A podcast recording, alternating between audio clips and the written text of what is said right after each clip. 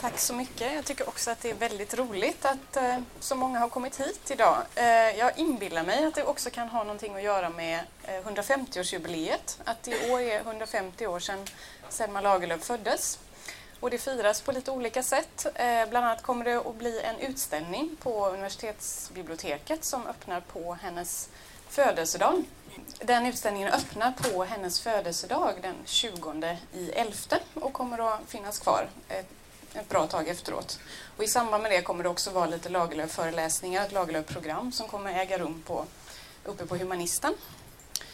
Idag ska jag tala om breven till Selma Lagerlöf från allmänheten. Visste ni att det finns över 40 000 brev till Selma Lagerlöf som är samlade på Kungliga biblioteket i Stockholm?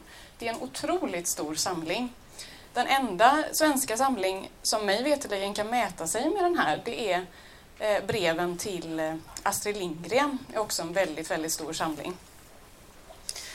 De här breven är ett jätteintressant, helt unikt arkivmaterial som också är ganska outforskat. Alltså vi vet ju någorlunda väl eh, hur kritiker, hur det litterära etablissemanget såg på Selma Lagerlöf som författare. Vi, recensioner finns ju alltid att tillgå som en källa till man kan säga historiska läsningar. Vi vet hur, vad man sa om Gösta Berlings saga när den kom ut. Men vad tyckte de som läste Gösta Berlings saga? Det är en mycket svårare fråga för forskningen att besvara eftersom sådana källor är väldigt svåra att komma åt. Det kan ju vara människor som ofta inte sätter sin läsupplevelse på pränt. Man läser och kanske talar med sin familj eller vänner eller andra som har läst boken men man dokumenterar inte läsningen på samma sätt som professionella läsare ofta gör. Så därför är de här läsarbreven eh, till Selma Lagerlöf otroligt intressanta. För här är då människor som har läst henne och som skriver till henne vad de tyckte om böckerna och hur de har läst dem och i vilket sammanhang och så vidare. Den här samlingen håller jag på att forska på nu tillsammans med Maria Karlsson i Uppsala. Hon är projektledare för vårt tvåmansprojekt som är finansierat av Riksbanken. Och vi började nu i början på 2008 och vi är fortfarande i en inventeringsfas. Vi håller på att gå igenom det här jättestora materialet och det det ställer till en del praktiska problem. Det är inget lätt material att hålla på med. Det alla brev sitter inklistrade i stora pärmar som finns på Kungliga biblioteket. Och det är ungefär 230 pärmar. Och hur ska man då göra för att, få, för att få tag på de här breven utan att behöva sitta hela tiden och beställa fram de här pärmarna då? Jo, då fotograferar vi av dem. Vi har fått ett eh, väldigt generöst tillstånd av, av Kungliga biblioteket att ta bilder av breven med digitalkamera. Då får man ju digitala bilder av dem som sen kan läggas in i en databas och sorteras på år och avsändare. Och man kan lägga i vissa nyckelord då för att kunna lätt söka upp kanske alla som skriver från USA eller alla som eh, diskuterar en viss roman eller vad det nu kan vara fråga om. Så det här arbetet är det som pågår just nu. Så det är en stor... att få eh, kunna hantera materialet och få överblick över det. Och eh, det som, är, det som vi har gjort hittills, förutom den här katalogiseringen då som pågår, det är en pilotstudie kan vi säga på år 1915 har vi valt ut. De flesta av Selma Lagerlöfs romaner de kom ut i slutet av året, ofta lagom då till julhandeln, tänkte väl förlaget. Så 1914 i december kom eh, Kejsaren och Portugalien ut. Så 1915 kan man då tänka sig att man kan avläsa lite vad läsarna tyckte om den romanen. Så då delade vi upp det så att Maria Karlsson hon studerade breven från de manliga läsarna och jag studerade breven från de kvinnliga läsarna. För det finns ju väldigt mycket dels teorier från forskningens sida om läsning och eh, kön eller hur män och kvinnor läser och skillnader och så vidare. Men också vissa vad ska man säga, historiskt grundade eh, föreställningar om skillnader mellan män och kvinnors läsning. Och då är det väldigt intressant att se hur de stämmer när man går igenom ett empiriskt material på det här viset. 1915 då så var det faktiskt många män som skrev till Selma Lagerlöf som hade läst eh, om Jan i skrolycka, just om erfarenheten av att vara far.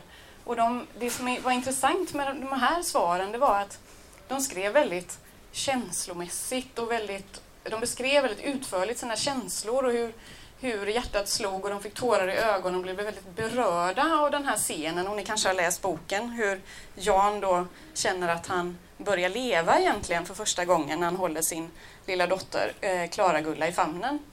Och det här, den här eh, scenen fick väldigt stort genomslag i den manliga läsekretsen. Och generellt kan man säga när man jämför då att det finns ingen skillnad på mäns och kvinnors läsning i det avseendet. Vilket man kanske skulle kunna tro att kvinnor läser mer inkännande och mer känslosamt och ger mer uttryck för de sidorna av, av sin läsning medan män kanske då läser mer intellektuellt och mer med betoning på det kognitiva. Skillnaden som ganska mycket har upprättats historiskt, den finns inte om man tittar i det här materialet. Män och kvinnor läser båda grupperna väldigt mycket med känslorna, väldigt mycket med hjärtat. Textens betydelse, själva det här analysarbetet, att förstå texten, det är liksom inte någonting som man diskuterar utan man upplever den och man berättar om sina känslor när man läser.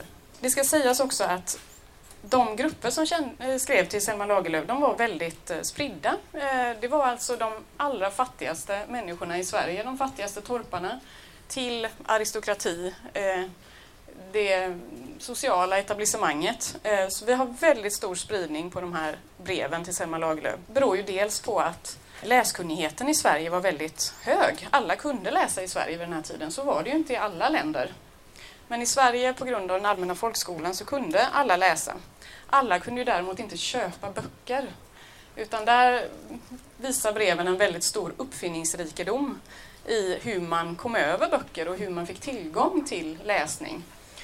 Man lånade av andra, man köpte begagnat, böckerna gick i arv och så vidare. En annan, stor, eh, en annan intressant grupp av brevskrivare det är ju de som skriver från utlandet.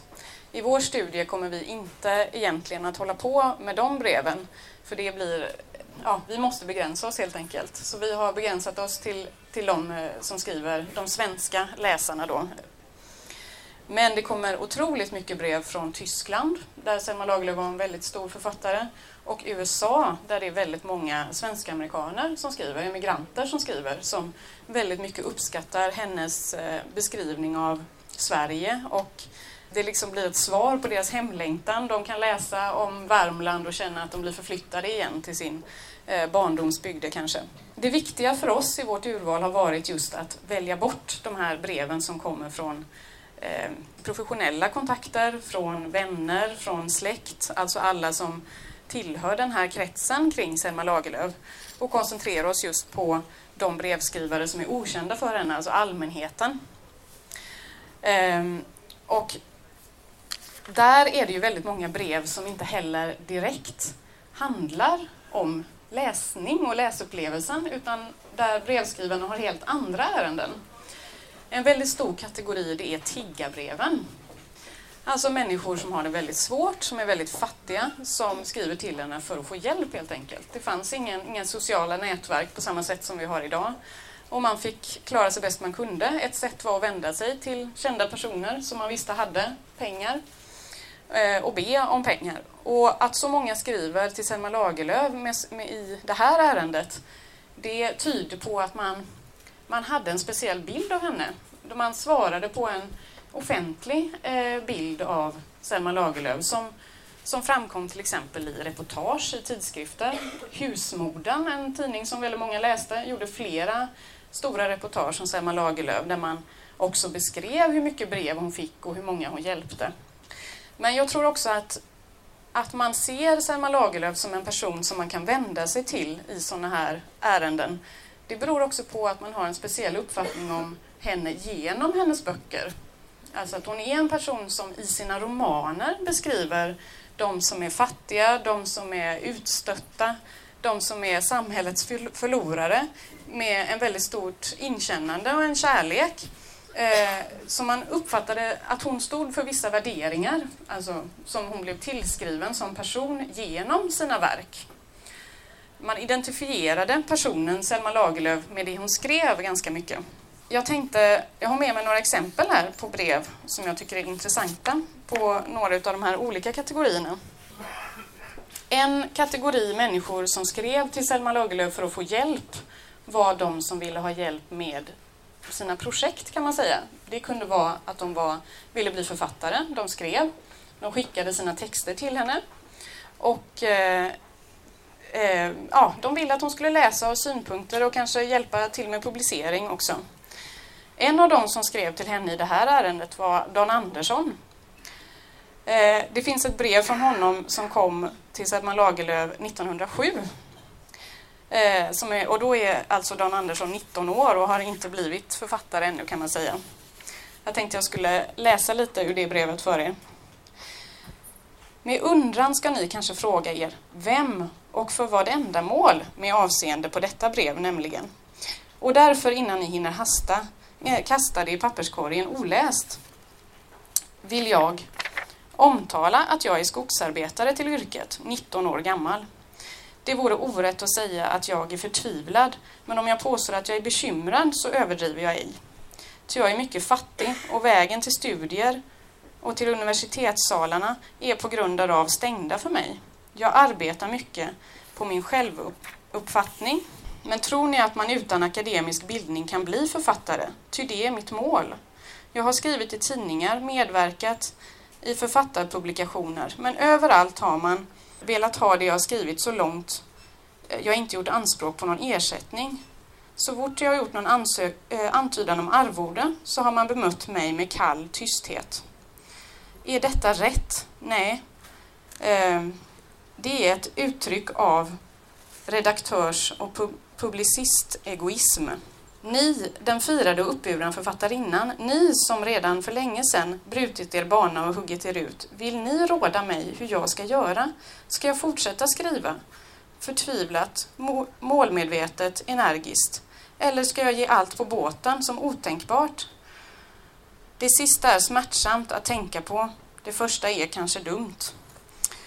Så han ber alltså Selma Lagerlöf om råd. Hur ska jag göra? Ska jag, vågar jag gå vidare med min författarbana eller ej?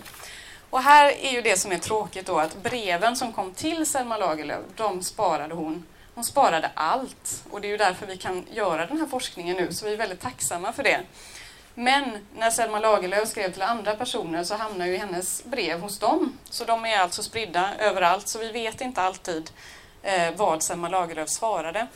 Däremot så vet vi ofta att hon svarade, till exempel om det blir en brevväxling och det framgår av kommande brev att de har fått svar. Men också på grund av att hon, hon eller Warburg Olander som hjälpte henne väldigt mycket med brevväxlingen gjorde ja, anteckningar på kuvert eller på brev där, där det då framgick om det var besvarat eller obesvarat och vad man i så fall skulle svara. Ibland står det gett fem kronor eller ja, vad det nu kan vara. Nu ser jag att tiden rusar iväg. Jag skulle jättegärna vilja fortsätta eh, och berätta mer om detta. Men jag tänkte jag skulle avsluta bara med några rader ur ett jättefint brev som är väldigt långt så jag kan inte läsa hela. Men det är ett riktigt eh, beundrarbrev och som jag tycker beskriver väldigt bra de kvaliteter som människor fortfarande lyfter fram hos Selma Lagerlöf. De som tycker om Selma Lagerlöf idag, de brukar tala ungefär i de här termerna som den här brevskrivaren gör. Och det här brevet kommer 1928 och det handlar både om läsupplevelsen och om eh, det här med hennes, den här sidan att hon hjälper folk då, som vänder sig till henne. Doktor Selma Lagerlöf, en gång för länge sedan då jag var mycket ung och dum skrev jag till eder och la fram inför eder hela mitt unga livs eh, stora bekymmer. Och ni svarade mig personligen och på ett sådant sätt att jag förstod att ni verkligen i er stora godhet tänkt ut de bästa råd för mig. Många gånger senare har jag i era härliga böcker mött denna ömhet och fina förståelse för det ringa och denna hjärtats sanna godhet som genomstrålar era verk har jag tänkt på detta att ni som säkert hade mycket arbete och många eh, oändligt höga, eh, högre bekymmer och helst icke alls borde ha blivit störd av dåraktiga skrivelser, skri eh, skrivande barn i den bullrande världen omkring er. Ändå så la ni allt åt sido för att, om blott för några minuter, skänka eder så fullt åt mig. Jag kan inte upphöra att förvåna mig däröver och ständigt i mitt hjärta tacka er därför. Och när hela vårt folk går att fira eder födelsedag vill även jag på detta sätt, eh, jag kan göra det med några fattiga ord och önska eder lycka och eh, allt framgent och innerligt tacka er för vad ni har givit mig och vad ni har givit vårt folk och vad ni har givit alla dem som någonsin får en bok av eder i sina händer. Ja, eh, jag får lov att avsluta där. Tack så mycket för er uppmärksamhet.